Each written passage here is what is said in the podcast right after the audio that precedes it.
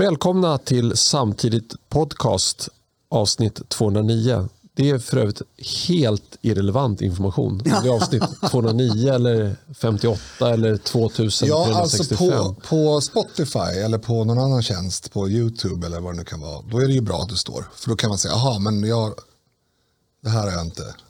Jag, jag kommer ihåg det här, 208, men det här är nytt. Mm. Det kan ju vara rimligt. Men att du ska säga det. Att du ska behöva ta tid från lyssnare och tittare för att säga det här. Ja, för det, det är helt irrelevant. Eh, när man ändå har liksom klickat på avsnittet, då vet man ju vilket avsnitt det är. Det är väldigt, Det, väldigt det, är, onödig lite, information. det är lite så här... eh, Men alla poddar gör ju så. Alla är numrerade. Även Sveriges jo. Radio Jo, ju sina. Ja, fast de säger inte det. Men Nej, vi det är ska vi inte vara trendsättare? Jo, de, jättemånga poddar säger så här, välkommen till bla bla bla, avsnitt bla bla bla. Ja, okej. Ja, inte alla. Det är kanske är arkivskäl att man ska kunna söka. Ja, om, man, om, man råkar, om man råkar eh, namnge filen fel så kan man åtminstone lyssna på början. Nej, det, det var, Ja, det är för, för internt bruk. Ja, blunda med öronen nu allihopa. Det är avsnitt 209.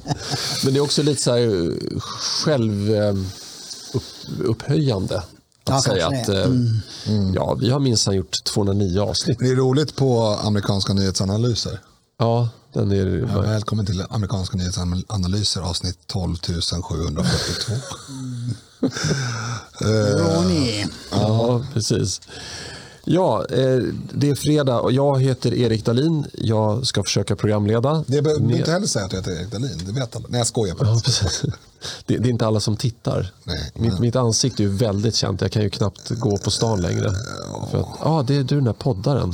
Ja, det, det stämmer. Jag är otroligt skeptisk till det, men, men eh, vi säger så. Ja, det kanske kan vara precis tvärtom. Jag har inte blivit igenkänd en enda gång faktiskt. Är det sant? Ja, jag tror det. Alltså, i, nu ska vi tänka här.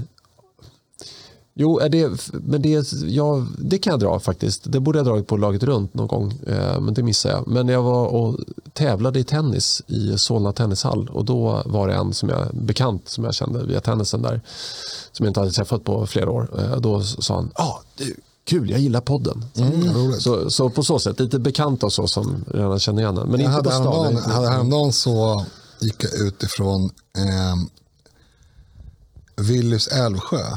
Willys Systembolaget, eh, apoteket Älvsjö ska jag säga. Eh, samma ingång. Och då ser jag en kille på 10 meters håll som liksom skiner upp och bara Bra jobbat! Ska han ha en brofist. Och min dotter bara, vad fan. Det är roligt. Men, men var, det, var det för podden eller var det ditt allmänna? Ingen aning. Och jag tycker att det är obekvämt. Det händer ju hela tiden för mig. Men det är för att jag har en större frisyr och så har varit liksom med ganska länge.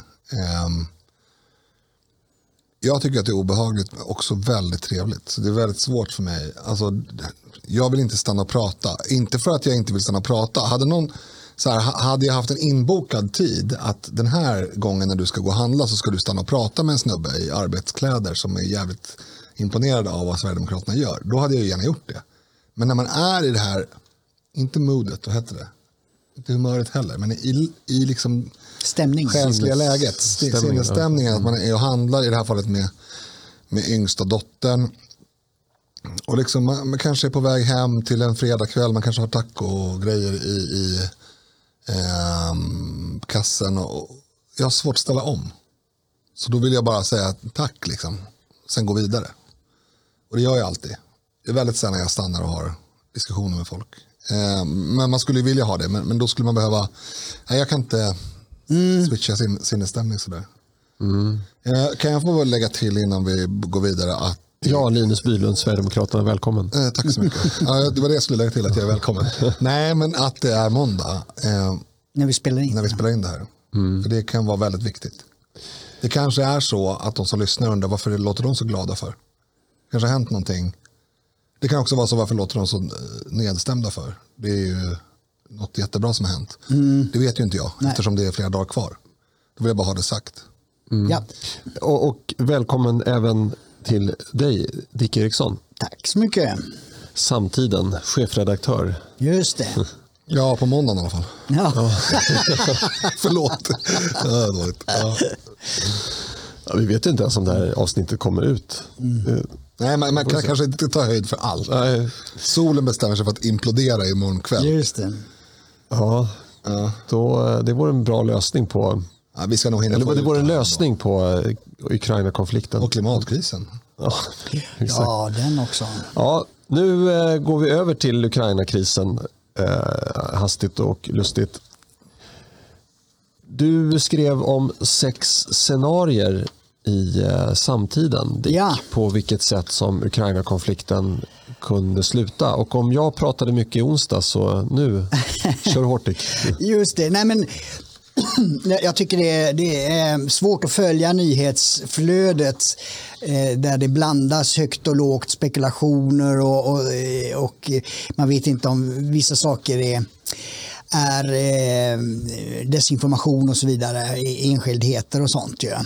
Det har ju cirkulerat många bilder som inte är från den här ja, efter 24 februari då när eh, Putin eh, rullade in pansarvagnarna i Ukraina och så vidare. Och då tycker jag det är bra att kunna lyfta blicken lite grann och se vad är det för sammanhang det här händer i? Vad är det, varför sker det? och Hur kan utvecklingen te sig framöver. Liksom, vad, vad kan komma att hända? Och då tyckte jag en, en artikel i eh, The Atlantic, då, en, en eh, amerikansk eh, tidskrift, intervjuade då Paul Post som är professor i utrikespolitik och krigföring vid universitetet i Chicago. Och jag är också svag för listor. Så han listade då fem scenarier som jag sammanfattar kort i, i, eh, i samtiden då, som ger en, en inblick i, i vad det kan handla. Och så vill jag lägga till ett sjätte. Men, då är det första är att det blir, kan bli, eh, konflikten kan hamna i ett dödläge. Eh, Cragmire tror jag det heter på engelska, det är ju lite vidare så att säga. Eh, Där eh, Ryssland inte riktigt eh, vinner men eh, heller inte förlorar. Utan det blir liksom ett, ett stående krig med- och med eh, då ekonomisk eh, konsekvenser för Ryssland med- sanktioner men också för oss eh, då att, och liksom ett utdraget krig där Ukraina blir som Afghanistan, in- invasionsmakternas gravfält. Liksom. Det, det, det är ett scenario, vilket, vilket ju inte är särskilt kul, men de andra scenarierna är, är, inte bättre. Nummer två Ska, är... ska vi diskutera varje scenario för Nej, jag sig? tror det är bättre att få vi tar alla sex stycken. Ja, så Ja, får kan man, liksom- vad är mest trovärdigt. Ja, säga. Eh, Scenario två är då att Putin lyckas framtvinga ett regimskifte, alltså att, att presidenten eh, Zelensky då eh, tillfångatas eller drivs på flykt på något sätt och man et- etablerar en mar marionettregering då, så att eh, Ukraina blir som eh, Belarus, då, en lydstat. Nummer tre är att man inkorporerar Ukraina i Ryssland så som man har gjort med Krim då, alltså att göra det till republiker eller del, vad kallar man dem det i Ryssland nu, nu kommer jag inte ihåg det, men det är alltså det är provinser i Ryssland så att den är underställd eh, Putin direkt så att säga. En fjärde är att Ukraina är, är- bara början då på ett ryskt imperium så att eh, det, det stannar inte vid Ukraina utan att eh, nästa steg blir då eh, först de eh, länderna som är utanför NATO då, Mo- Moldova, eh, Belarus och, och, och Georgien då, att de inkorporeras Alltså Belarus, ja du menar ja. Ja, att de blir delsta- ja, provinser i, i Ryssland, så att säga, direkt underställda, alltså inga egna presidenter och så vidare. Och det femte då är att Putin utmanar NATO och riskerar ett tredje världskrig genom att också kräva Estland, Lettland och Litauen tillbaks till eh, gamla Sovjetimperiet så att säga.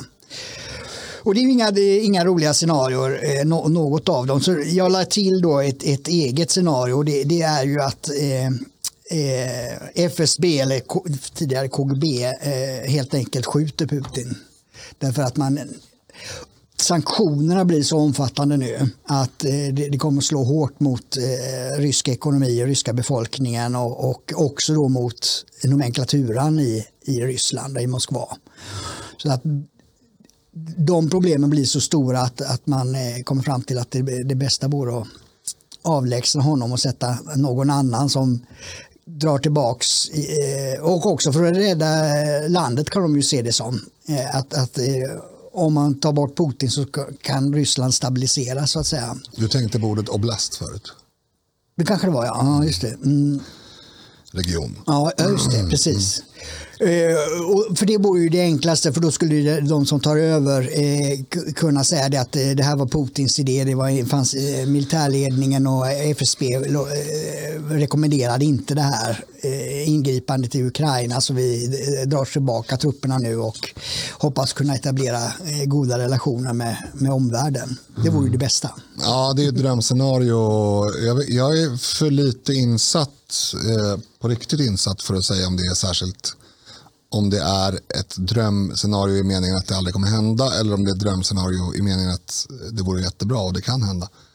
Eh, men, men så här då, det är klart att idén om att det ska ba, vara bara Putin som vill det här och ligger bakom det här, den är ju befängd. Den är ju befängd. Det tror jag inte. Eh, han kan absolut vara drivande och det kan finnas eh, liksom en repression som gör att fritt, tanke fritt tan, tankebildande hos den styrande eh, klassen inte, inte tillåts och därför så blir det väldigt mycket av en persons eh, vilja som går igenom. Men eh, någonting i den stilen skulle jag säga snarare än att det skulle vara bara Putin som, som behöver ryka. Utan det, det måste ju vara det måste ju vara en krets som är utanför en krets som säger att nu får det vara nog. Eh, och vi var inte med på det här. Mm. det var de här. Och det måste ju sen då eh, få stöd av underrättelser. Alltså jag ger mig fasiken på att eh, ett antal underrättelsetjänster har stenkoll på vilka som är inblandade och vilka som är inblandade mindre så att säga. Eh, i, i de, alltså, Ja, som finns i Putins krets, ja. Ja, precis. precis. Jo, det är det. Men det, alltså, det är ju så, människor är ju opportunister och eh, framför allt så är det ju så i diktaturer. Ja. För där finns ju liksom inget annat val. Om man vill nå framgång då, då måste man eh, liera sig med djävulen, så att säga. Den diktator som sitter. Men till slut kan ju priset bli så högt så att man bestämmer sig för, eller det växer fram en, en, en känsla av att det här, det här gick för långt, så att säga. Ja, men man kan tänka sig ett scenario där till exempel NATO eller USA eh, eller någon annan konstellation av västländer säger att de här eh, 15 personerna ska utlämnas. De- De ska till Haag nu. Om ni gör det, då, då, då kommer vi i ett helt nytt läge och, och, och så. Ehm, det är ju, problemet är ju att det går inte att kommunicera med den stora ryska breda massan. Nej. Utan allt är ju kontrollerat. Det är lite som Nordkorea. Det är, de tror ju att de lever i ett fantastiskt land, många, många i Nordkorea. Eh, därför att de inte får något att jämföra med. Eh, men någonstans så, så tror jag att Ryssland är mindre slutet än just Nordkorea. Jag tror att det finns en... Jag vet inte, alltså, de här sanktionerna kan slå åt, åt det ena eller andra hållet. Det, det kan ju såklart bli så att man tänker att varför gör de så här? När vi bara ville ta bort den här nazisten Zelensky. Eh, och, och blir arga då på väst istället. Den, den judiska nazisten. Ja, Ja, det- just det. Exakt. Mm. exakt. Eh, men, men det kan också bli så att de, att de förstår att läget som vi är i nu med en kraschad börs med eh, liksom, ja, matköer och vad det nu kan Mm. tänkas bli. Eh, det kan vi komma ur ganska snabbt om vi ser till att de här personerna avlägsnas. Och då blir det ju precis som du säger, fast det kanske är ett steg från Putin, inklusive Putin såklart. Mm. Men jag menar bara att jag tror inte att det går att säga att det är en person, eller? Ja, alltså så som det ser ut från utsidan så är, så är det ju han som har eh, liksom centrerat makten väldigt mycket till sig själv. Och det, så, har, så är det också i diktaturer. Eller liksom att, eh, det var så med Stalin också. Att, att eh, på 20-talet eh, när han tog över så hade de andra i politbyrån ett fortsatt visst inflytande och han vågade inte göra vissa saker de första tio åren.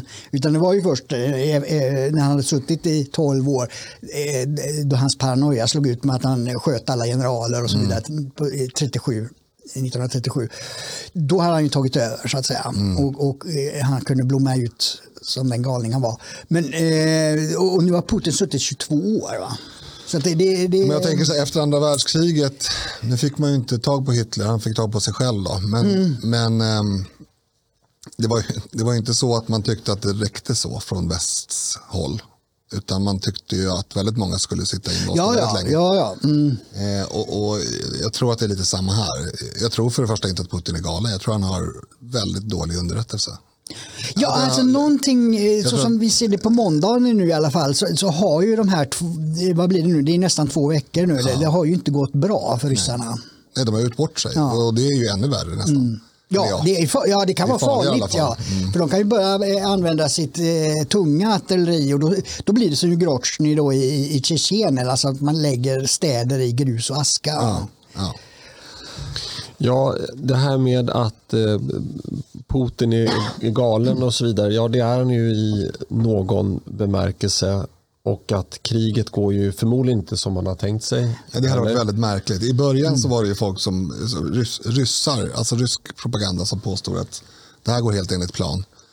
Och, och det kanske var någon som trodde på det, men nu, alltså, det kan inte vara, alltså, då, om man tänker att man, man ska gå in och störta en regim lite snabbt och sen dra sig tillbaka, ja, tio dagar, Nej, men, tio, tolv dagar senare. men sam, samtidigt så tror jag nog att man måste ändå ha med sig att han eller den ryska militären, ledningen, har väl en plan B, C, D, E Ja. och F. Eh, Ja, fast plan, grejen är att plan B, bara plan B, att, att eh, precis som Dick säger börja använda liksom mindre preci- precisionsmässiga vapen och börja liksom totalt bomba sönder stadskärnor och sådär. Vad blir det i nästa steg? Alltså för att de ser ju, alltså Ryssland ser ju, det här behöver vi inte gissa om. Det här är inte en teori, utan Ryssland ser ju Ukraina som en del av Ryssland. Eller som ja, det är inte så att det, är inte så att det som i, i liksom krig i historien har varit så att ukrainare generellt hatar ryssar eller framförallt så är det inte så att ryssar generellt hatar ukrainare. Nej. Eh, och, om det är så att ukrainare hatar ryssar så har det sina, sina rutiga och randiga skäl som är ganska goda. kosacker hatar ryssar kanske. U- ukrainska kosacker. Det är möjligt. Jag menar bara att om du tittar på, på eh, andra krig, jag menar ta Israel-Palestina. Där finns det ju ett liksom, genuint hat. Jag tror, inte att, jag tror inte att särskilt många palestinska självmordsbombare bryr sig om de förstör saker inne på israeliskt område. Det var kanske ett dåligt exempel. men- Alltså, all, all, det är aldrig svart eller vitt. Det, det finns ju många eh, muslimer, eh, araber som bor i Israel och har det jättebra. ja, men, ja, men nu Eh, pratar vi och- om självmordsbombare. Det- Ja, jo, jo ja. men alltså, jag menar, det, det, är ju, det är ju liksom... Ja, ja, alltså, men om vi, om vi ser på ja. konflikthåll. Alltså om, man, om man skulle fråga liksom, palestinska militärer, så här, skulle ni vilja eh, skulle, skulle, skulle ni gråta om, om Tel Aviv blev ett hål? Så skulle de inte göra det. Nej. Medan Ryssland vill ju inte förstöra en del av det som de anser vara deras. Okej, ja. Nej, precis. Nej, det är ju det. Det, det är ju en teori att, att Putin trodde ju, äh, eller trodde, eh, det är en teori att, att eh, det har gått så dåligt eh, i inledningen här, är att Putin trodde att ukrainarna skulle stå och vifta med ryska flaggor och välkomna eh, de ryska trupperna in i Ukraina för att skapa ordning. Och om det nu är så att han trodde det. För, för nu kommer vi till intressanta saker. Men att jag säger om är ju väldigt viktigt Ja. här. För det, vi vet ju inte det. Nej. Men om det är så. Då är det ju direkt kopplat till det här du pratade om Dick. Att en diktator som eh, blir, jag ska inte säga att om han blir, utan en diktator blir ju förr eller senare paranoid. Ja. Och, och, eh, sådär. och i, en, I en anda av repressioner eh, och, och rädsla så kommer man att mata diktatorn med det han vill höra. Ja. Inte med sanningen. Eh, utan Putins idé om hur hans egna styrkor ser ut är en helt annan än verkligheten. Eftersom han har ju fått tillbaka den korruption som har rådit också när man har rustat upp Rys- Ryssland. De här oligarkernas eh, lyxjottar är ju inte, det, det är ju inte ärligt tjänade pengar på olika sätt utan det är ju korruption som ligger bakom den här otroliga rikedomen hos, hos ett fåtal människor. Så att de pengar som skulle ha gått till att rusta upp till exempel ett förband för att inta Ukraina, låt säga, eh, har ju inte gått riktigt dit. Nej, det också. Mm, och då, precis. men det har man ju naturligtvis inte berättat tillbaka till Putin. Nej. Du, jag tog 12 miljarder rubel här. Eh, men det var väl okej. Utan då har man ju sagt att nu går det jättebra med upprustningen av den här bla bla bla styrkan. Precis. Och, Och, och, då, då, och dessutom då så har vi en, en rysk minoritet inne i. Ukraina som rapporterar tillbaka och säkert via ukrainska myndigheter eller ryska myndigheter rapporterar tillbaka. Även den informationen måste ju vara gravt eh, har vi kommit på något bra ord för biased? Skev. Ja, precis. Ja, tillrättalagd då. För att så Putin har ju fått informationen att, alltså om detta scenario gäller, eh, informationen att eh, ja, men de är jätteförtryckta de här ryssarna och det är många ryssar och även ukrainarna är trötta på det här styret så de kommer bara bli glada om vi går in. Precis. Jo, jag tror att det kan, i och med att han har ju länge haft, det av de mest citerade citaten från Putin är ju det här med att eh, Sovjetunionens fall var ju det största eh, misslyckandet i världshistorien eller vad, de- vad man nu kallar det. Att han har ju hela tiden haft en, en bild av att återupprätta det, det eh, ryska imperiet i form av Sovjetunionen och även tsardömet innan så att säga. Och om han har den eh, tanken i huvudet hela tiden så till slut inbillar han sig att ja, men det vill alla andra som är rysktalande också. Men det har ju visat sig på, när man tittar på de här kartorna över invasionen, de delarna som är eh, övervägande rysktalande, eh, det är ju 14 det är 17 procent eh, rys, etniska ryssar i Ukraina och 30 procent rysktalande som är framförallt i östra delen. Men inte ens i de östra delarna har det gått särskilt bra för eh, de ryska trupperna. Så att även om rysktal och, och, och Zelensky som är president, han är ju rysk, tillhör den här rysktalande delen av befolkningen. Eh, de har ju slutit upp för den ukrainska nationen på ett sätt som jag tror att eh, Putin fullständigt har missbedömt. Ju. Alltså det är ju nationalism mot eh, chauvinism Ja. och imperi- Ja. imperialism här. Det är ganska intressant. Det är många som missar det. Ja. Jag såg att du retweetade någon rövhatt som, som tyckte att de här kunde, vapnen kunde i värsta fall komma i handen, händerna på nationalister. De ska ju till nationalister. Ja, nej men så här, den här eh, personen skrev ju, eh, när han skrev det här att det kan hamna i fel händer i nationalister. nationalister. Det, Ja. de, de är ju nationalister allihopa uppenbarligen. Ja, okej. Det jag Anledningen till att jag, jag, jag vill inte liksom stjäla eh, andras idéer sådär, så att jag retweetar gärna. Men det är inte säkert att jag höll med det han skrev, utan jag, min du kommentar... skrev ja och dessutom, eller i värsta, och till och med i värsta fall eller något sånt där. Ja, okej. Eh, ja, all right. Ja, jag men ja, men jag, jag, jag tror att han menade, det, fin, det finns ju liksom eh, det, det finns ju riktiga nazister i Ukraina. Det Ja, finns ju riktiga naz- nazister. Nazister Nej, ju okej. väldigt sällan Då, då, då de, är, läste jag... de är ju chauvinister och imperialister. Ja, men NATO skulle inte gå in och, och bomba nationalister. De skulle i så fall, alltså det han menade på var ju att, att det kunde gå överstyr om de hamnade liksom i, Absolut. Ja, men det, och det är en aspekt, men där får man ju Ja. väga för och nackdelar. Men då att extremister i Ukraina skulle ta över eller vadå? skulle, skulle, skulle få våra svenska vapen. Jaha. De, de svenska vapen som vi skickar ner. Eh, och, då retweetar jag den, den farhågan och menar på att ja, men det är väl typ ännu värre. Eller det är ju ännu värre om det hamnar i ryska händer. Och det är ju, jag menar, titta, titta bara på Afghanistan. Där Ja, men det, det där väst- argumentet, det, där med du är inne Nej, men- på vapenexport, eh, ja, eller ja, nu skänker vi bort de där vapnen, men alla vapen kan ju användas. Då, ska man, då, är- då är det ju miljöpartilinjen som man ska hålla. Nej, och att men man ska inte ha, alltså- men Sverige har ju sedan 1600-talet varit en stor vapenexportör. Det är en del av vårt välstånd. Jag tycker det är fjantigt av Sverige att inte erkänna det. Att vi är, är enormt duktiga vapentillverkare, har varit sedan 1600-talet. Jag hade en, in, Ja, ja definitivt. Men, men jag, det, ni, ni, Förneka ni, inte ni tillskriver mig en massa åsikter som jag inte har. Jag menar bara på det att eh, det är klart att man måste vara försiktig när man skickar in vapen i ett land som är i krig. Verkligen. Ja, men absolut. Det är en Eh, aspekt det- det är som är värd att ta i beaktande. Ja. Och det, det har man ju såklart gjort även från regeringshåll. Och, Och nu verkar det ha gått bra. Vi som, De- de- ja, hittills, vapnen ja, men jag tror inte anländer att, jag tror inte att eh, den här killen menade just nu. Utan jag tror den här killen menade att det kan ju hända att, att liksom allting faller och de här vapnen kommer på vift. Mm. Och det, så är det ju. Och det är ju som med alla vapen. Och väl tur då kanske att man inte... eh, Alltså just pansarskott är ju inget man kanske rånar banker med eller, eller personrånar människor eller använder det i utomrättsliga avrättningar. Utan, ja, eh, alltså, MC-klubbarna höll ju ett tag på 90-talet på med det där med pansarskott. och det var ju för att de hade fått tag på pansarskott. Och då hade Ja, de- sköt in i lokaler. Sköt in i Ja. varandras lokaler och sådär. Det är klart att det är jättetråkigt men det är inte något. Alltså jag hade haft större problem om man skickade liksom eh, ja, tusentals AK5.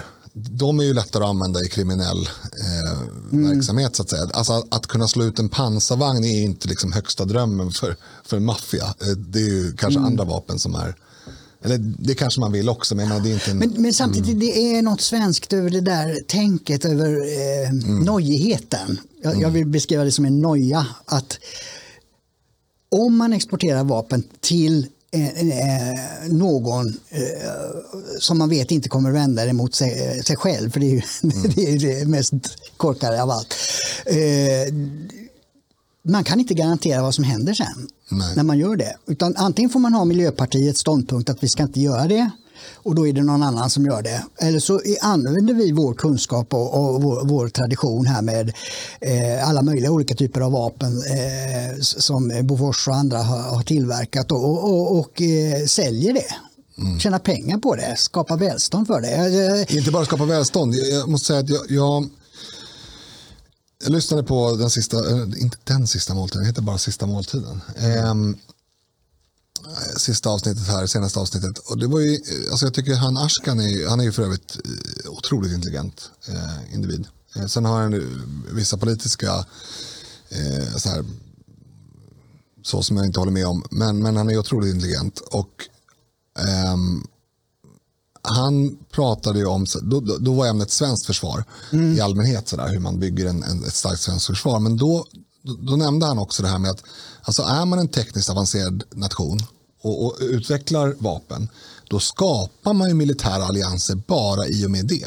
Man, man, man skriver ju avtal med andra länder som innefattar andra saker än bara pengar. Ja.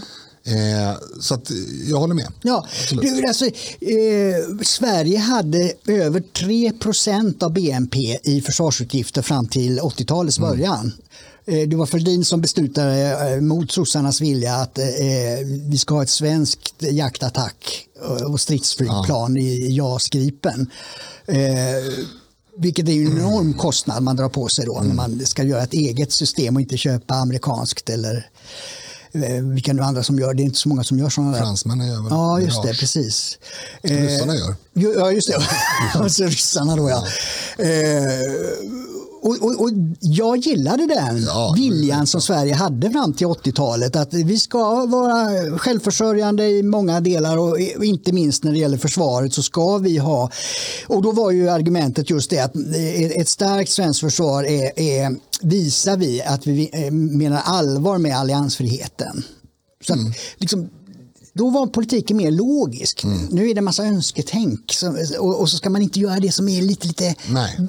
lite sådär omoraliskt om det används på fel sätt. Liksom. Men man vill gärna köpa en försäkring, gärna billigt Mm. och sen ska man inte behöva göra något mer. Nej, precis. Eh, Jag, jag tycker vi lämnar den, det stickspåret med, eh, att, genom att konstatera att eh, jag håller med er. Mm. Eh, Och, eh, min enda farhåga där det var att naiva Sverige Ja, hyr någon mm. lastbil som kapas av en rysk agent och det, körs det. eh, till Mm. Belarus istället. Ja, typ. det. Mm. det skulle inte förvånat mig. Nej.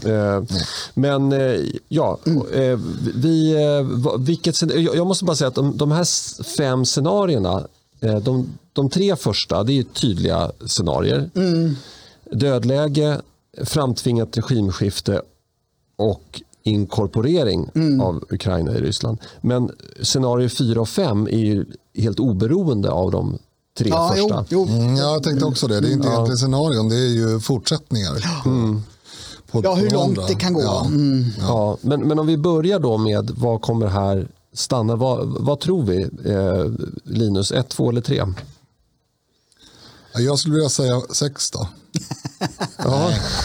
Eh, nej, jag tror, jag tror ju tyvärr inte på, på alternativ sex, det vill säga att någon, någon eller Ja, det är ju mitt. eh, Att Ja. Putin avlägsnas. Man, man kan väl säga scenario 1, 2, 3 det är ju någon form av vinst. Nej, ett, ettan är ingen vinst för eh, Ryssland. Nej, det är stående Eh, krig. Ja. Ja, men tvåan och trean är ju vinst för Ryssland. Mm. Eh, Men ett, ett annat scenario är ju såklart vinst för Ukraina. Och På vilket de, sätt då? De kastar ut ryssen. Men det går inte. Det är det som är problemet. Att det går ju bara om man skjuter Putin eller alltså det kommer ju an, om det händer då kommer det antagligen eh, rapporteras att Putin är död. Mm. Och att nu har man installerat en ny president. Eh, vi vet ju inte vad vi kommer få veta av det där. Det är väldigt mycket sånt här nu som är även av posit både positiv och negativ art som vi inte kan veta om det är sant eller inte. Jag menar, titta på de här eh, soldaterna på Ormön som hade sagt uh, go fuck yourself, tror jag. Mm. Eh, till det här eh, ryska krigsfartyget. Nu, på, nu påstås det att de inte alls är döda. Det påstås i början att de hade sagt mm. det som sina sista ord och sen hade de blivit bombade ungefär.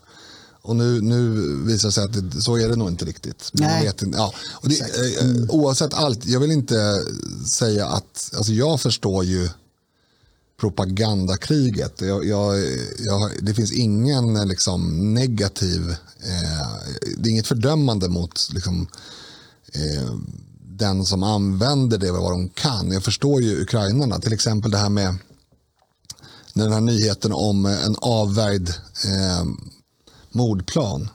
Jag vet inte om ni läste det. Med, Mordpresidenten? Ja, det mm. skulle vara en, en um, kazakisk. Eller? Nej, nej, jag kommer inte ihåg. Eh, nej, det kanske det inte var. Ja, det var, det var någon, någon av satellit, de forna satellitstaternas mm. eh, elitförband som skulle ha försökt mörda Zelensky och blivit mördade själva, eller skjutna själva. Okay. Mm. Eh, och, och, Det verkar som att det stämmer därför att det bekräftas även av, från andra sidan att, att det finns försvunna soldater. Men, men skit, skit i det, jag menar bara att allt bör ses med mm. de glasögonen. Jo, men det är därför jag lägger det på scenarionivå. Ja. Det, det, här, det här behöver det inte eh, någon specifik fakta behöver inte stämma eller inte stämma. Så Nej, utan det är ju en möjliga utvecklingslinjer. Va? Ja, men vad jag skulle komma till är att de kan ju inte bara backa ur. Hur ska de göra det? De har, ju, de har ju mycket mer vapen än vad de använder. Och de skulle ju kunna ta över eh, hela Ukraina. Om det var för liv och död. Om det var att liksom, annars så skulle Ryssland gå under. Då skulle de ha tagit Ukraina för länge sedan. Om de sket i liksom, konsekvenserna. Eh, därför mm. att så mycket vapenkraft har de. Men de väljer inte att göra det. De väljer att gå närmare internationella konventioner i alla fall. Eh, sannolikt inte på rätt sida eh, gränsen, men ändå. Mm. Eh, så att de, de kan inte backa ur. Vad, vad, vad, skulle de ha för vad skulle de ange för incitament? Men jag kommer på en, en, ett som inte finns med i hans eh, scenario då, men som, som nämnts ibland. Det är det att, att man skulle vara intresserad av att, att ta just östra Ukraina, eh, östra sidan av Dnepr heter väl floden ja. som, som är väldigt stor där, och, och göra det till en, en ryss eh, region så att säga. Mm. Och, och, och, och, så skulle man stanna där och så säger man nu är kriget över. Men då skulle man inte, nu är man ju inne nästan i Kiev. Ja, då, Kiev ligger ju vid floden. Ja, exakt. Mm. Det, det, det, är en del som spekulerar att, att, eh, att Putin skulle nöja sig med, med den halvan. Då. Mm. Jag förstår inte mm. varför. Nej. Men eh, det, det, är liksom ett scenario som har nämnts av andra. Mm. Å andra sidan, jag ska ge Erik en poäng här. Därför att vad som är logiskt och vad som är kommunicerbart eh, från, med våra mått mätt, det är ju inte samma sak i Ryssland. Utan kan man lura ett helt folk att det är en eh, pronazist som håller på att sabba hela Ukraina, vi måste göra en specialoperation. Ja, då kan man ju också naturligtvis lura folk att nu har vi fått vad vi ville mm. eh, och vi är nöjda så och vi går stolta hem igen. Så att kanske. Mm. Ja, om Putin inte är galen då skulle ju det kunna vara ett alternativ nu när han säger att det går inte särskilt bra och världsopinionen är som den är. Så att säga. Då skulle man kunna dra ner eh, mm. ambitionsnivån för att eh, få ett stopp på eh, den militära eh, framryckningen så att säga. Mm. Alltså, all, alla segrar eh, är ju i någon bemärkelse eh, en Pyrrhus-seger. Ja. I krig ja. Ja, kanske inte alla eh, krig har varit Pyrrhus-segrar. Ehm, men, nej, eh, men, men, utifrån scenariot nu i Ukraina och mm. Ryssland. Mm. För att det har ju gått så pass dåligt i början så att ska han vinna då... Jag tror ju plan B, alltså han har ju vill säga han, fast det är förmodligen fler runt Putin, men förmodligen så har han väl räknat med att okej, okay, går det lite knackigt då får jag ta in lite mer firepower. Mm. Eh, vad heter det? Eldkraft. Tack. Mm. Det är också direktöversättning, så ganska ja. Jag, jag dricker inte kaffe längre. Jag slutar med det. Så jag, jag får inte liksom Får lägre boost av hjärnan. Ja, ja, faktiskt. Ja, det förklarar en del med tanke på hur mycket kaffe jag dricker. Exakt. Det är du och eh, Ashkan som eh, besitter den här enorma intelligensen. Nej, men Ashkan, Ashkan är, fan, jag, jag vill hylla Ashkan. Ehm, faktiskt. Då har du fått göra det både en och två gånger. Eh, I alla fall, eh, jag, jag tror, eh, om jag får säga vad jag tror, så, så tror jag på ett, ett eh, scenario ett där, ett eh, katastrofalt dödläge. Eh, jag tror mycket väl att eh, Ryssland eh, på pappret kan inta Ukraina. Men eh, alltså det ukrainska folket har ju existerat mycket, mycket längre än den ukrainska staten. Jag försökte läsa på lite i historien och det, det var ju inte förrän runt 1920 som man grundade Ukraina som det ser ut idag. Då. Nej, En stor del har ju varit en del av Polen tidigare. Ja, Eh, men, men det det har ju alltid, alltså sen jag tror det var 800-talet, och så här, det var ju då först man började prata om ukrainare och, och så. Eh, Och de har ju eh, slängt ut fienden i parti och minut. Ja, Det har gått kanske några hundra år emellan. Men eh, varför skulle de inte slänga ut ryssen den här gången? Det, det är fullkomligt ologiskt. Sen om det tar en månad eller, eller 50 år, det är en annan sak. Men då, det är klart att de, de kommer inte ge sig. Nej. Det, alltså, de har ju, ryssarna har ju miss, missberäknat eh, Zelensky framför allt. Eh, och de har ju hamnat i ett läge där om de skjuter honom så är det antagligen värre för dem.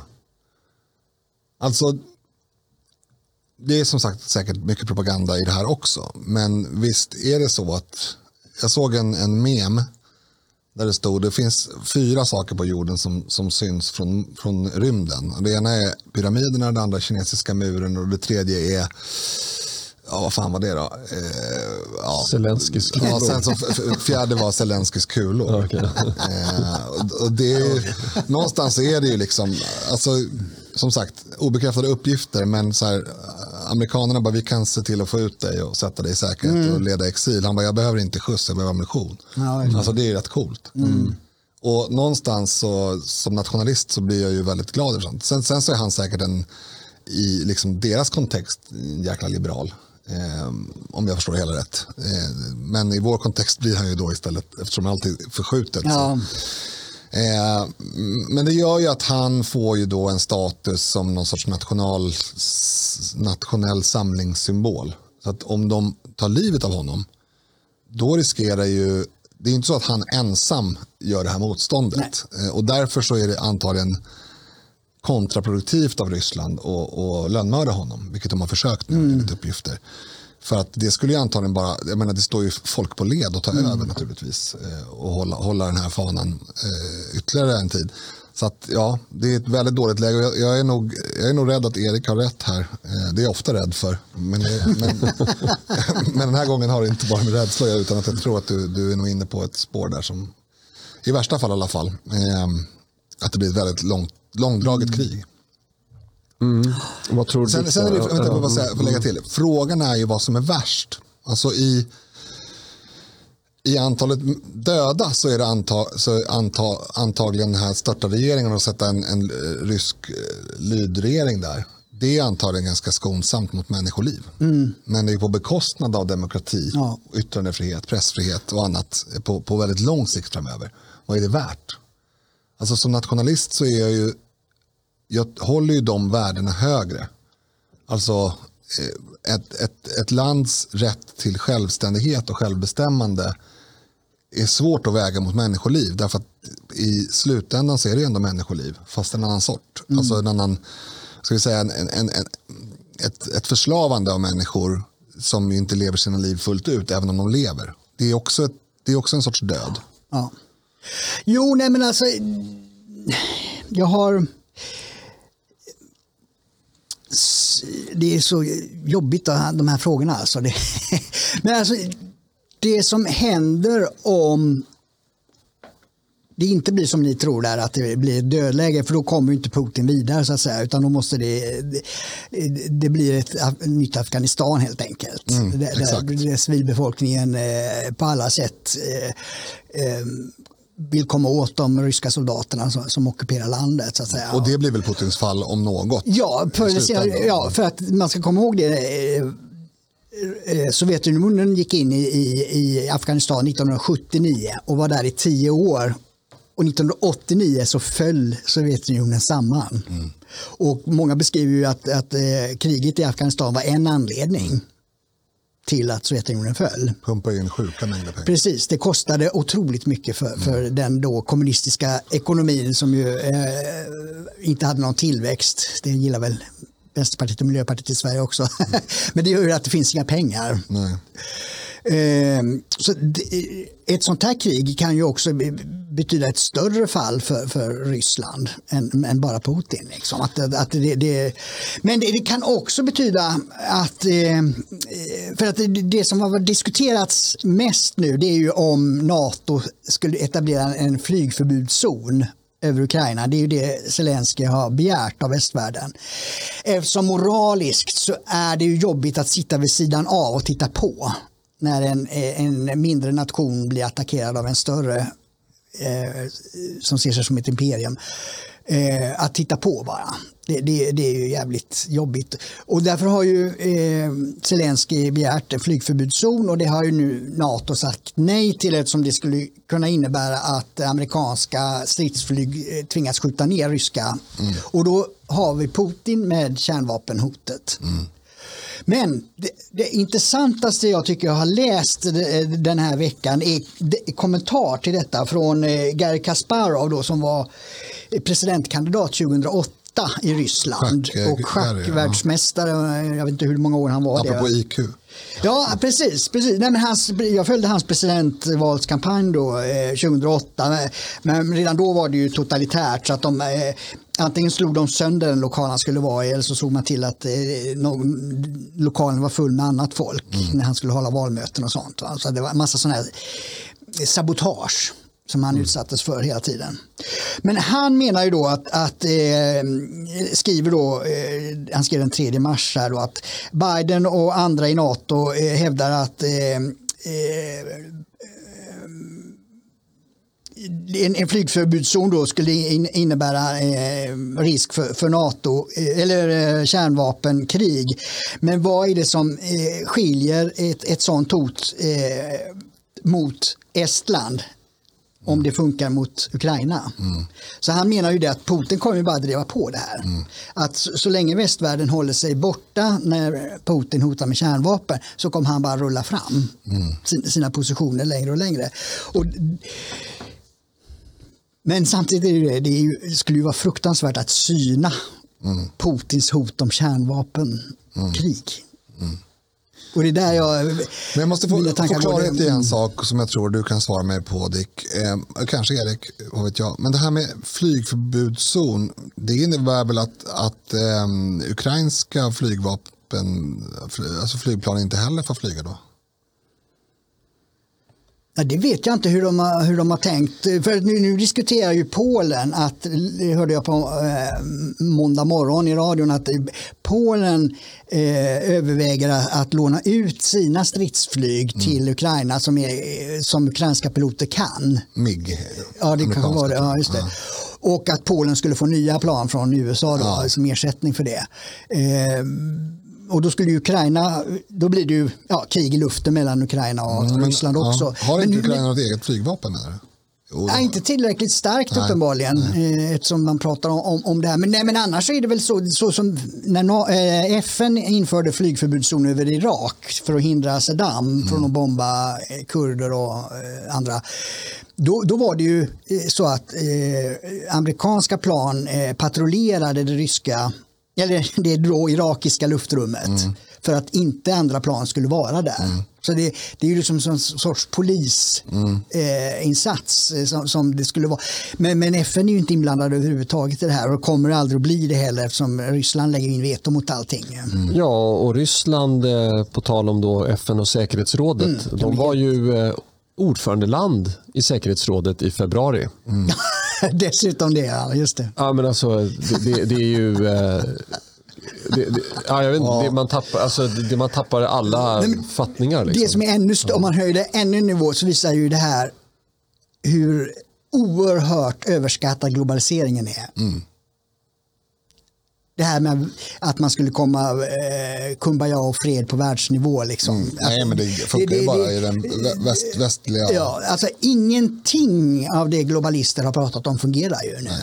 Nej. Ingenting. Utan det är, snarare har vi satt oss i ett oerhört sårbart läge när vi har räknat med att kunna få både metaller och medicinsk Mm. tillverkning och annat från Kina och, och, och, och från andra håll. Här. Vad fick vi istället från Kina? Ja, just det, precis.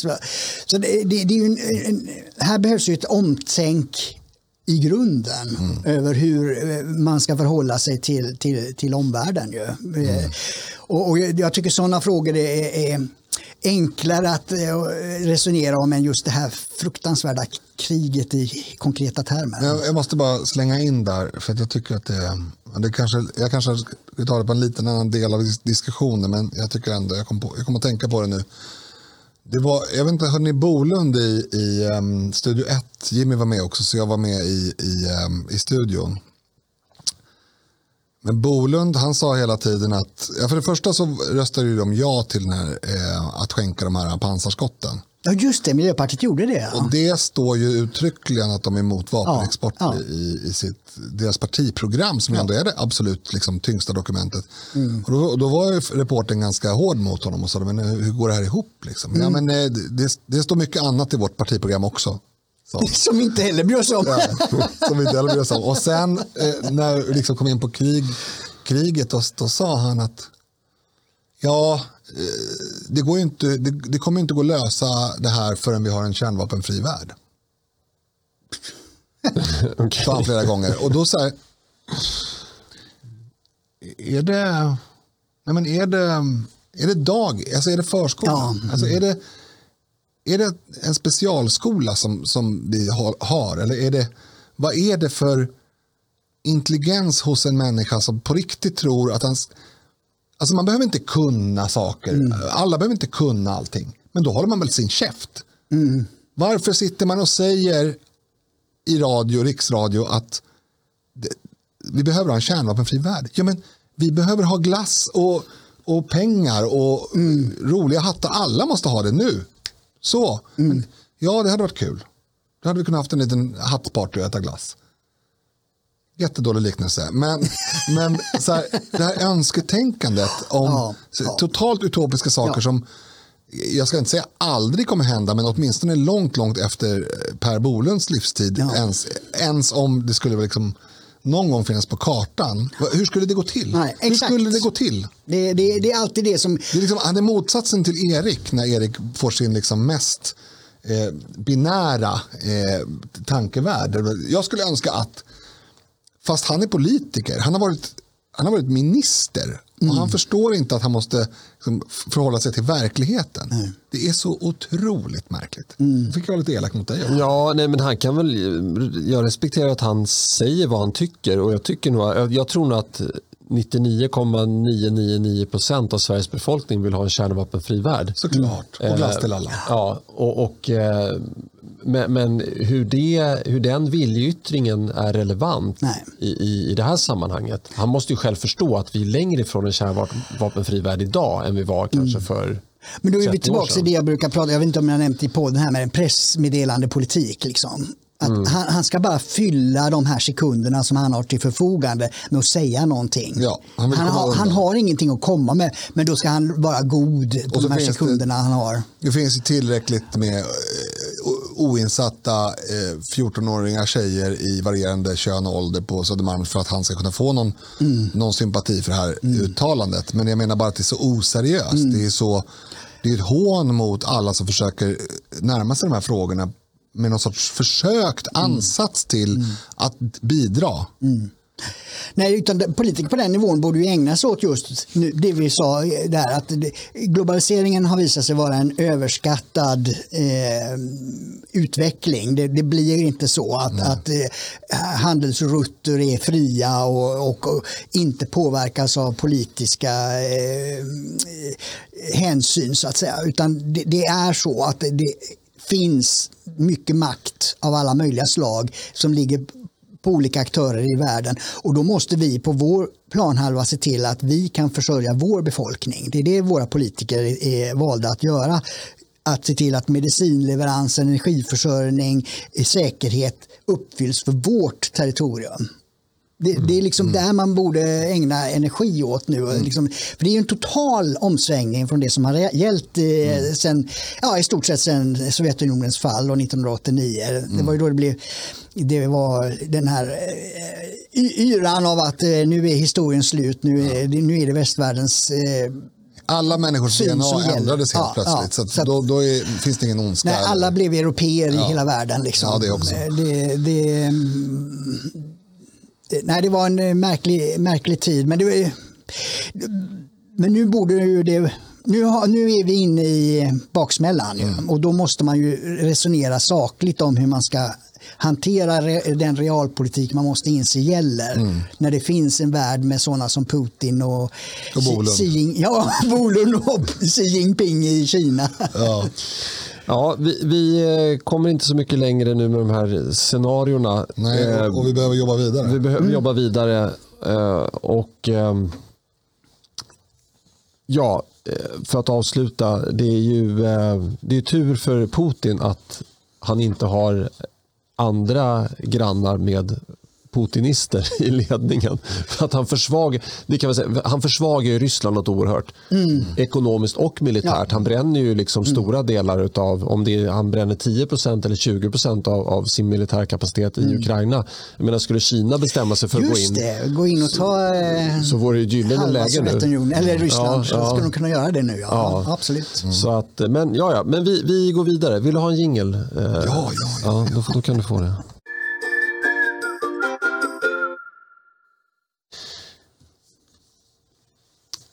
Nästa ämne heter NATO. Och där tänkte jag att eh, Dick Eriksson kunde få eh, börja med ett litet anförande. Just det. Nej, men nu, eh, det knyter alltid an till det vi har. Nu måste liksom realpolitiken komma in i bilden här. Man måste inse realiteter att det är, är inte fred på jorden och eh, kärnvapen är inte avskaffade. Och då är, är ju frågan som har ställts på sin spets här nu att anledningen till att Putin har kunnat gå in i Ukraina är ju att Ukraina inte är med i NATO. Eh, och det är därför västvärlden inte ställer upp på Ukraina mer än då eh, att eh, skicka lite material och sånt. Eh, och det har ju gjort att Finland och Sveriges läge har blivit eh, ja, satt i, i en eh, speciell belysning ju, över att, eh, och sen då när Putin också har nämnt att eh, Sverige och Finland inte får gå med i NATO enligt honom. Mm, det var ju väldigt många länder han nämnde då. Ja, men... precis, men det, det, är ju det. Och då, då eh, har ju den frågan blivit aktuell så att i, i eh, i helgen, eh, eller i fredags så var ju Finlands president eh, i Washington och träffade Eh, Biden och Biden ringde också upp Magdalena Andersson då så att man hade samtal med mm, de tre länderna och sen så har också Magdalena Andersson och eh, försvarsminister Peter Hultqvist varit i Helsingfors i helgen och pratat med, med den finska statsledningen och nu spekuleras det ju då hur hur det här samarbetet ska eh, fortgå så att säga. Eh, samstämmigheten mellan Finland och, och, och, Sverige och där det verkar ju som om Finland eh, ligger lite före och är mer intresserade av, att pröva eh, någon typ av NATO-medlemskap här. Eh, eftersom ju Finland har 130 mil är gemensam gräns med Ryssland. Mm.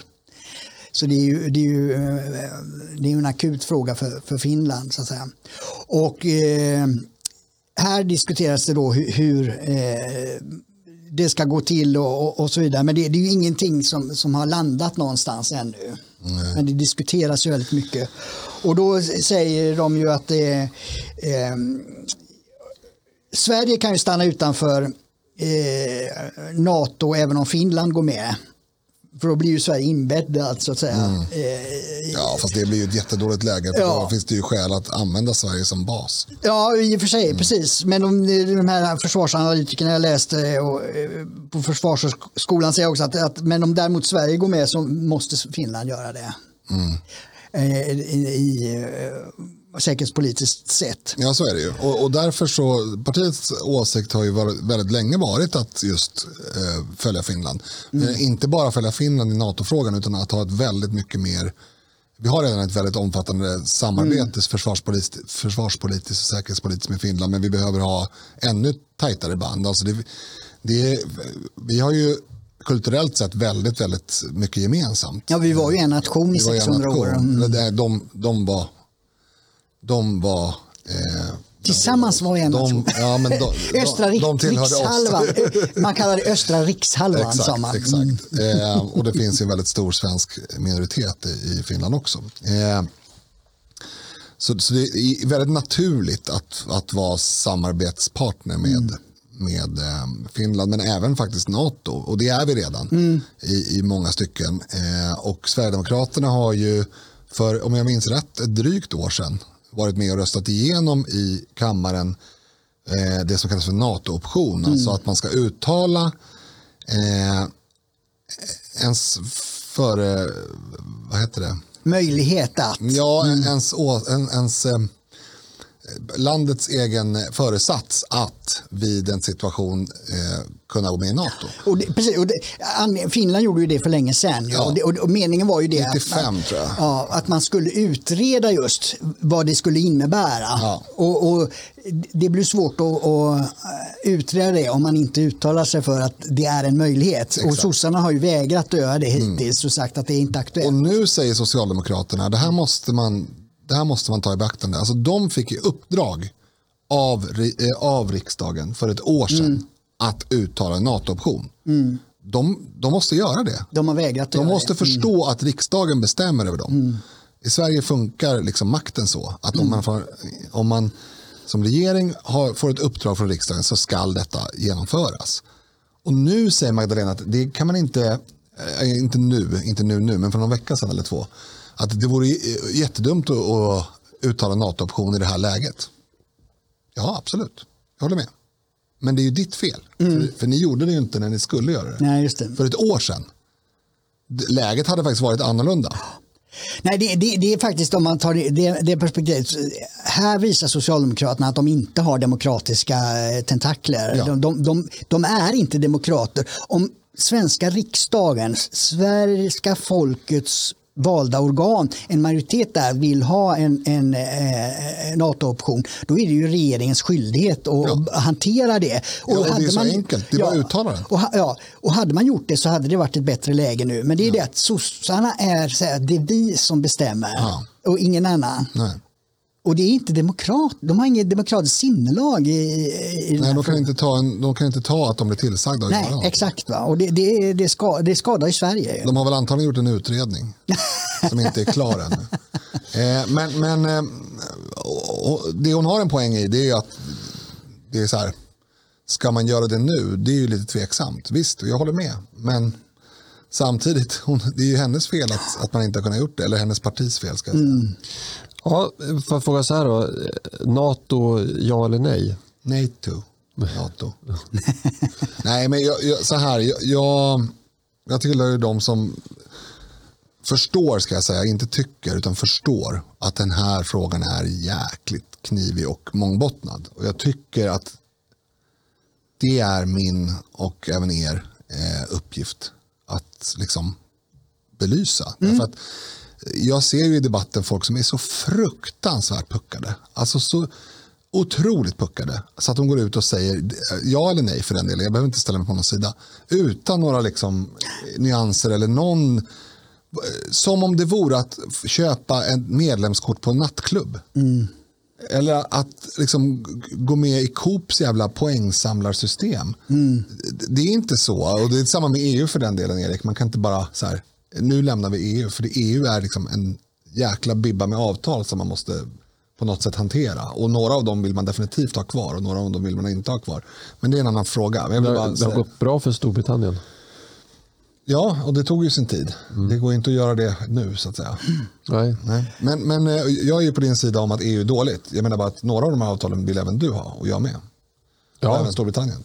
Eh, men, men samma sak gäller NATO. Det är ju inte så att man bara säger, ja, tja, eh, Sverige här. Så att eh, vi har bestämt oss nu, vi vill vara med. Och de bara ja, vi ska komma och försvara er om det händer något. Så funkar det ju inte. Utan för det första så ska man då eh, ha en, jag vet inte hur de formulerar det, det är uppenbarligen inte ett krav att lägga 2% av BNP, men det är ett krav att ha någon sorts realistisk målsättning ja. att kunna göra det. Och det, det har vi inte ännu. Eh, så Sverigedemokraternas svar på NATO-frågan har ju fram till idag varit att vi vill ju bygga upp försvarsförmågan ja. så att det är möjligt att gå med i NATO men inte för att gå med i NATO utan för att vi vill ha ett, ett starkt försvar. Det har vi ju pratat om sedan partiets bildande. Ja, det är det som är lite paradoxalt att Sverigedemokraterna är det parti som har den politik i Sveriges riksdag som, som ger mm. underlag för att gå med i NATO. Ja, exakt, och, och de andra partierna har slaktat försvaret. Ja. De har lagt eh, värnplikten i malpåse i ett antal år för att sen komma på att det var en dålig idé. Mm. De kanske har varit naiva, ja. om jag får gissa.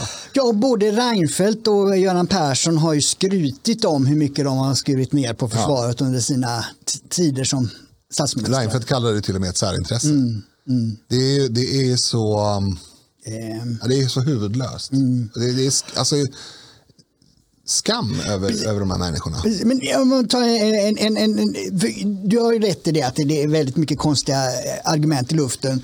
Och mycket beror på att folk inte vet vad NATO är. Mm. För att när jag tittar på EU och NATO så som organisationer så gillar jag NATO bättre. Mm. För NATO respekterar det nationella självbestämmandet.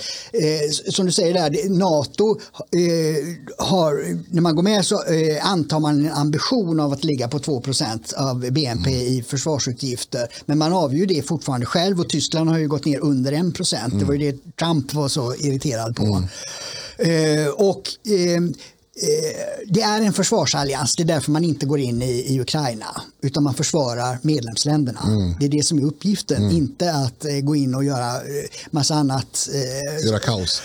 Ställa till med kaos. Och, eh, och det jag gillar också är att var, varje nation hanterar sina egna kostnader. Man, man håller inte på som EU och säger nu ska ni betala vår jordbrukspolitik Nej. eller nu ska ni betala coronafond till oss. Och sen, utan varje land betalar sina egna försvarskostnader själv. Och sen så, så uh, har man ett samarbete. Det som är kravet är ju den här paragraf 5 då. Ju. Och där är det ju att man förbinder, varje medlemsstat förbinder sig att betrakta en väpnad attack mot en annan medlemsstat eh, som en väpnad attack mot sig själv. Ja. Det, det är liksom det som är det verkliga hårda kravet. Mm. Och här finns, det ju, här finns det ju betänkligheter naturligtvis eftersom Turkiet är en tydlig eller en, en tongivande medlem i NATO. Mm. Eh, nu ska man komma ihåg, vi ska inte använda de här begreppen propagandistiskt. Det är inte så att NATO-länder måste ställa upp om Turkiet bestämmer sig för att invadera Grekland. Nej. Eh, nu är Grekland också med i NATO kanske, ja, så det var ett jättedåligt exempel. Men ni förstår vad jag menar. Alltså, din anfallskrig är inte mm. någonting som man Nej. ska ställa upp med. Men, men, det kan vara så Erik att du måste skicka din son till en front någonstans på andra sidan jorden därför att vi är med i ett, ett, eh, försvarsförbund. Och det är kostnaden. Mm. Jag säger inte att det nödvändigtvis är en dålig kostnad. Eh, eller en, en för hög kostnad, men det är en kostnad. Mm. Det är ett åtagande. Mm. Så att det är inte så enkelt. Och den här alliansfriheten som vi har haft har ju uppenbarligen tjänat Sverige ganska väl under den, under den tid som har förflutit av historien fram till idag. Mm. Sen, så, sen så måste man ju hela tiden ompröva allt. Det gäller ju egentligen allt. Mm. Eh, att ett, ett, ett parti, eller för den delen ett land, som aldrig omprövar saker utan tror att allt ska vara som, som det har varit. Ja, det är lite Putin faktiskt. Mm. Alltså, ja, men vänta nu, eh, Kiev var ju ryskt för jättemånga år sedan, så nu måste det vara det igen. Mm. Eh, och så vidare. Eh, det är, det är motsatsen till liksom, att försöka gå i takt med sin samtid och försöka vara pragmatisk. Så jag säger inte att eftersom alliansfriheten har varit bra hittills så kommer den att vara bra i all framtid. Jag gör inte det. Men, men jag tycker att så här, partiet diskuterar ju NATO-frågan väldigt, väldigt starkt, just, eller väldigt mycket just nu. Alltså, inte bara just nu när vi spelar in, utan just nu när folk hör det här. Eh, så det kommer att komma information som, som gör det som jag säger eh, obsolet. Och därför så tänker jag inte säga särskilt mycket om partiets hållning. Eh, mm. Eh, men, men, jag tycker ändå att det var en, jag tycker ändå att det var en ganska intressant eh, ur medial aspekt intressant händelseutveckling här, utveckling här förra veckan, alltså det vill säga en vecka från och med att man lyssnar på det här ungefär. Där, ehm, där Aron Emilsson var med i lördagsintervjun. Och det han sa där om NATO var att eh, vi... Vet du vad han sa o- o- ordagrant Nej, på frågan? Eh, vi, vi utesluter inget, han. Nej, just det, precis. Och, och då så blev jag ju uppringd av en massa människor som undrar varför har ni ändrat er om NATO? Och grejen är att innan det så var det, har Jimmy då flera gånger pratat om NATO i intervjuer och sagt ganska exakt så här. Det är en svår fråga. Vi, eh, vi har, vi, vår alliansfrihet har tjänat oss väl. Eh, för oss är det viktigt hur Finland agerar eh, och vi vill ha ett närmare samarbete med dem. Och nummer tre, eh, ska det bli aktuellt med ett NATO-medlemskap så vill vi underställa det en folkomröstning. Är det att utesluta något? Eftersom alltså folk, jag såg, nu ska jag säga, det är kanske inte några liksom, politiska experter, men jag såg så här, SDs 180-gradiga sväng i NATO-frågan. Alltså, från att säga med fler ord, vi utesluter ingenting, till att säga vi utesluter ingenting. Det är tydligen 180 grader. För det var väl, eller är det jag som är dum? Är inte det exakt vad Jimmy säger? När han säger så här, vi, vi måste följa omvärldens utveckling, vi får se vad Finland gör och vi vill gärna underställa det här en folkomröstning. Är inte det att, att inte utesluta någonting? Jo, absolut. Jo, Det är men exakt det, samma sak. precis, det är ju det. det är, men det är väl det att eh, i och med att man upplever att Finland eh, kommer allt närmare Ja. och det finns en, opin- eh, en opinionsmätning i Finland som, som har övervikt för att gå med Mm. när man frågar finska folket. Så eh, tittar man väl utifrån det ljuset. Ja, ja, och då blir det ett annat läge. Absolut, men- och då men- menar man att då, då, i och med att det övrigt är ett annat läge, då är frågan att vi utesluter ingenting. Det har också kommit lite närmare. Absolut, och det håller jag med om. Ja. Och, och, men det är ju en utveckling. Ja. Och det är lite som att jag skulle fråga dig så här. Eh, vi säger att vi bor i ett kollektiv och jag frågar dig, ska, ska du ha en äggmacka med, med, med lite juice och kaffe till? Du säger nej, jag ska gå och lägga mig. Och sen så dagen efter så, så vill du ha en äggmacka med juice och kaffe och så säger jag så här, va? va? Det, här har ju du, det har ju du sagt nej till precis. Men om läget ändrar sig så att det är dags för frukost, då är det dags för frukost. Det är väl inget konstigt. Det är inte du som har ändrat dig. Det är väl Nej, konstigt. och, och jag hoppas väl att Sverige för en gång... liknelse igen vill jag bara säga. Nej, men den var eh, helt okej. Ja, men- ja. B- b- bättre, du tar dig. Tack. tack. Eh, nej, men jag, jag tänkte, eh, det vore ju väldigt trevligt om Sverige för en gångs skull kunde tänka lite strategiskt och inte i affekt. Alltså, vi har gjort så mycket i affekt nu eh, senaste tiden. Eh, och jag menar, det kanske rätt läge, rätt läge är ju inte nu. Vi ska inte skicka in en ansökan imorgon i, under det här eh, säkerhetsläget. Det tycker inte jag i alla fall. Alltså, det Nej, det ja. Det nu- det är ingen- det är ingen liksom Nej, teoretiskt. man- ja. Men, men, men, men, låt säga att det kommer ett läge här där, där Ryssland är väldigt försvagat av kriget i Ukraina och alla sanktioner. Så de har inte förmågan att attackera något annat land med mindre än att göra, blotta sig otroligt för, för eh, omvärlden. Eh, då kanske vi ska skicka in en ansökan. Eller, eller, eller så gör vi inte det. Men, men vi, måste, vi måste försöka tänka lite strategiskt och inte i affekt. Och precis, och en, en fortsättning på- det jag sa förut är ju att, att eh, eh, vi samordnar ju försvaren Mm. väldigt mycket, både Finland och, och, och Sverige, med, för att vara kompatibelt med Exakt, NATO. exakt. Så att, och, och, en en anledning är att försvaret har blivit så mycket mer eh, teknologiskt än vad det, än vad det var förut. Och vi har hela den här cyberattack eh, eh, hotet.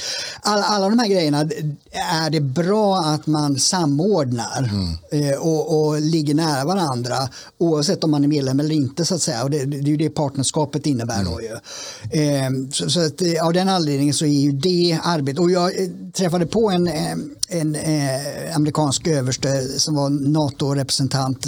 som var på Karlberg på ett seminarium för ett antal år sedan och beskrev det som att Sverige har eh, officerare eh, ganska högt upp i NATO hierarkin där man håller på att göra olika planer och analyser och, och allting där. Och frågan hur kommer det sig då? Sverige är ju inte medlem. Nej men vi går inte på, på det, vi går på de som har rätt kompetens. Och det, det är verkligen skillnad mot EU. Ja. Så att Sverige har, eller ja, officerare och, och kunnigt säkerhetsfolk redan i NATO-organisationen mm. eftersom de kan bidra till att göra ett bra jobb. Och det som gör att jag är ändå lite eh, positivt lutar åt det hållet det är ju det att om Sverige och Finland går med i NATO då, då är Norden för första gången i världshistorien på samma sida. Mm. Då är man med Danmark och Norge, alla fyra mm. i en och en och samma position. Och, och jag har förvånats mig, eller funderat mycket över, vi har hela tiden varit splittrade annars. Mm. Alltså på 1800-talet, eh, skandinavismen ledde ingen, ingenstans. Vi, vi, hade efter andra världskriget så, så ville ju Tage Erlander försöka få, få någon nordiskt samarbete men då gick Danmark och Norge med i, i NATO när det bildades. Mm. Så, så det, vi har blivit splittrade hela tiden i Norden. Mm. Och skulle Finland och Sverige går med, då, då är vi alla mm. fyra med i samma. Mm. Det, det, är ingen, eh, alltså, inget att blunda för. Nej, och jag vill bara säga till den som undrar liksom om Alltså, vad, vad, jag säger här, är det partiets linje eller inte? Jag vill bara säga att min linje, min egen linje, och det har egentligen gällt från början. Jag har ju intresserat mig ganska mycket för frågan, men ändå inte hamnat i ett läge där jag svartvitt säger det ena eller det andra. Eh, och, och det, det, kan man tycka är en feg position, men, men man måste ha en position som man bottnar i. Och jag tycker att det finns, eh, återigen, Ashkan i eh, sista måltiden där. Eh, att, att man har ett väldigt långtgående samarbete med Finland. Man bygger upp sin försvarsförmåga till vad den var på 80-talet. Eh, och dessutom då i, i väldigt tätt samarbete med, med, med Finland. Det i sig ger ju en, en eh, avskräckande effekt för attacker. Mm. Eh, sen får man ju komma ihåg att eh, den här liknelsen man gör, man säger att ja, NATO gick inte in när de gav sig på Ukraina så de kommer inte gå eh, hjälpa oss heller. Det är inte riktigt sant. Det är klart att det är stor skillnad mellan Ukraina som i, i ganska närtid har varit en del av Ryssland och till exempel Finland som inte har det. Eh, och, och, Det är klart att det påverkar och det påverkar att Ukraina inte det lig, Ukraina ligger inte särskilt högt i liksom demokrati och eh, icke-korruptionsindex och så vidare. Det är inte en helt inkorporerad del av västvärlden så som Finland är. Eh, Ukraina har inte liksom, alltså Finland har ju gräns mot Norge. Visst är det så? Ja, det har de. Ja, treriksröset, då ja, gränsar väl alla tre länder mm. Finland har gräns mot Norge som är ett NATO-land. Ja, just det. Eh, alltså, jag, jag, jag säger så här, eh, det, är inte, det går inte att jämföra Finland med Ukraina i, i eh, så att säga, västvärldens potentiella militära hjälp. Det, det, det tror jag inte. Eh, inte heller Sverige för den delen. Där har vi ju liksom lika lång, kust, eller lika lång gräns mot ett NATO-land som, som Finland har mot, mot Ryssland i princip. Ja, just det, precis. Men det är ju det man, men det är ju det man säger nu. Alltså eh, att skälet till att man inte eh, ingriper mm. är ju att eh, Ukraina inte är NATO, att NATO är ett försvarsförbund som försvarar sina medlemmar. Jo, jag hörde på radio i morse, i måndags alltså, eh, att det finns ett begrepp inom NATO där man pratar om icke-medlemmar som har en särskild ställning. Mm. Eh, och jag menar, har man samövningar med med en icke-medlem, då har ju den icke-medlemmen en annan ställning än ett land mm. som man inte samövar med. Rimligen. Mm. Eh, och eh, jag, jag, jag, är också så här, för första är jag inte jätteinsatt, eh, men jag delar ju Linus uppfattning här att det, det, är inte särskilt tilltalande att skicka ner svenska soldater till Turkiet. För det var ju ungefär det du menade. Mm. Eh, det är ingen tilltalande tanke. Samtidigt så inget NATO-land har väl någonsin blivit attackerat i världshistorien. Och det, och det tror jag beror på att då, då vet de att då, då, kommer USA där. Liksom, och, och, alla... Eh, ja. Precis. Nej, nej, nej, nej, eh, den här artikel 5 har ju bara tillämpats eh, två gånger. Och, och, och, eh, båda gångerna var efter 11 september. Mm. Och det ena var ju att, att man hjälpte till eh, med eh, att bevaka luftrummet över USA dagarna efter. För man var ju rädd för att det skulle komma mera. Mm. Och det andra var operation Action Endover eh, som var en eh, en, eh, vad, vad heter det, naval, vad heter det, Marin. marininsats på Medelhavet för man eh, eh, förväntade sig att eh, terrorister skulle frakta massförstörelsevapen på eh, Medelhavet. Hade kommit. Så det är de två begränsade insatser som artikel 5 har tillämpats. Och, och det är väl, alltså, oavsett vad så, så måste vi ju eh, få en, en eventuell fiende förstå att en attack på Sverige, ja, men till exempel om, om Ryssland skulle attackera Sverige, ja, om en, inom en vecka ligger Sankt Petersburg i ruiner. Vet de det, då kommer de aldrig attackera.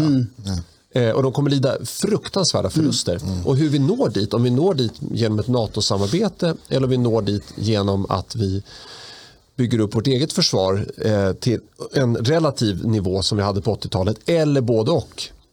Jag är lite kluven. Jag, jag, det viktigaste frågan för, för Sverige det är migrationsfrågan. Det här tycker jag, de här delarna är, är vi, vi kan gå vilken väg som helst egentligen. Eh, Men det finns, det finns Av både... de två, jag håller med. Det, var, det är därför jag säger, Ja, av de det tre var det att jag, Eh, nej, förlåt. Eh, men av jo, de jo, exakt. Förlåt, de två. Exakt. Det tredje Ja, mm. alternativet, det vill säga ha det som nu, inget rimligt försvar och, och ingen med, allians. och, och gå Nej. med i NATO, då skulle de inte... ja, det, det skulle vi inte ens få. Nej, precis. Så att det är inget alternativ. Så det, vi bygger upp försvaret och NATO-medlemskap eller inte, eh, ja, det, det kan kvitta Det, nästan. men det är ju därför. NATO-option är, är liksom det, det rimliga steget. Att, att börja prata om hur, vilka, hur förutsättningarna ser ut och för och nackdelarna med olika positioner. Det, det är ju det som är det rimliga. Ju.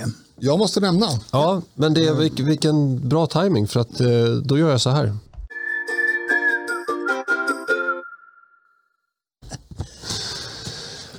Ja, men vi, vi var klara, tycker jag. Eh, och eh, nästa vecka borde vi ha två program också, tycker jag. mm, det får vi väl se. Eh, och vilka som är med och så vidare. Jag kan inte på rak arm säga det nu, men vi hoppas på det. Ja. Eh, något annat att tillägga? Nej. Vi hoppas att vi inte har svamlat om eh, saker som uppfattas som historiska parenteser nu för att det har hänt så mycket i veckan. Inte- NATO-frågan eh, Ja, lär den inte lär vara- ju inte vara. Men jag menar bara att vi kan, ja, när det händer väldigt stora saker på världsscenen så, så riskerar ju saker att bli gamla. Inte just NATO då kanske. Nej, precis. Men annat kan ju snabbt bli, bli så. Ja. Men givet det, en del i, i eh, det här med att psykologiskt stå emot att det är oroligt i världen, det är ju att faktiskt eh, försöka leva normalt. Eh, och därför så hoppas jag att vi nästa vecka kan prata om någonting annat än Ukraina och NATO. Ja. Och ehm, jag hoppas också att eh, alla njuter av, av helgen Just. som kommer. Exakt. Och eh, ja, eh, det märks att du har vikarierat för mig ganska mycket. För att, eh, Ja, nej, men jag menar bara att det är, det är någons, alltså det här med att gräva ner sig. Jag märker att många är nere. Ja, jo. Och liksom, vad gör det? Varför är det bra? På vilket sätt blir det bra för att du är nere? Ingenting. Och det här med att man på lokala Facebookgrupper tipsar om eh, var närmsta skyddsrum ligger. Ah, Jag vet inte om det är... Alltså på lång sikt så ska vi ta hotet från Ryssland på absolut allra största allvar. Men det kanske inte kommer hända någonting Men de närmsta lyckas ju med sin, med sin retorik. Och flyga ett flygplan över Gotland ibland. Och så, Då tror folk att ja, nu kan det smälla när som helst. Men så är det inte riktigt. Nej. Ja, ja, Nej, så ta det lugnt i helgen. ja, Ja, just det. jag dricker ingen rysk vodka. Nej, Precis. Ta någon uh, bourbon. eller- Dricker du någonting annat än, än svensk alkohol? Ja, jag dricker kanadensisk alkohol och jag dricker brittisk alkohol. eh, Olika Skotsk. Landsförrädare. alkohol. Alltså, skulle det vara någon skillnad på all, all, all alkohol är lika mycket värd. Uh. Ja, eh, Linus har precis öppnat eh, sin strupe eller sitt hjärta för all alkohol i hela världen. Ja. Eh, vi eh, säger så så länge och så önskar vi en trevlig helg. Trevlig helg. Hej.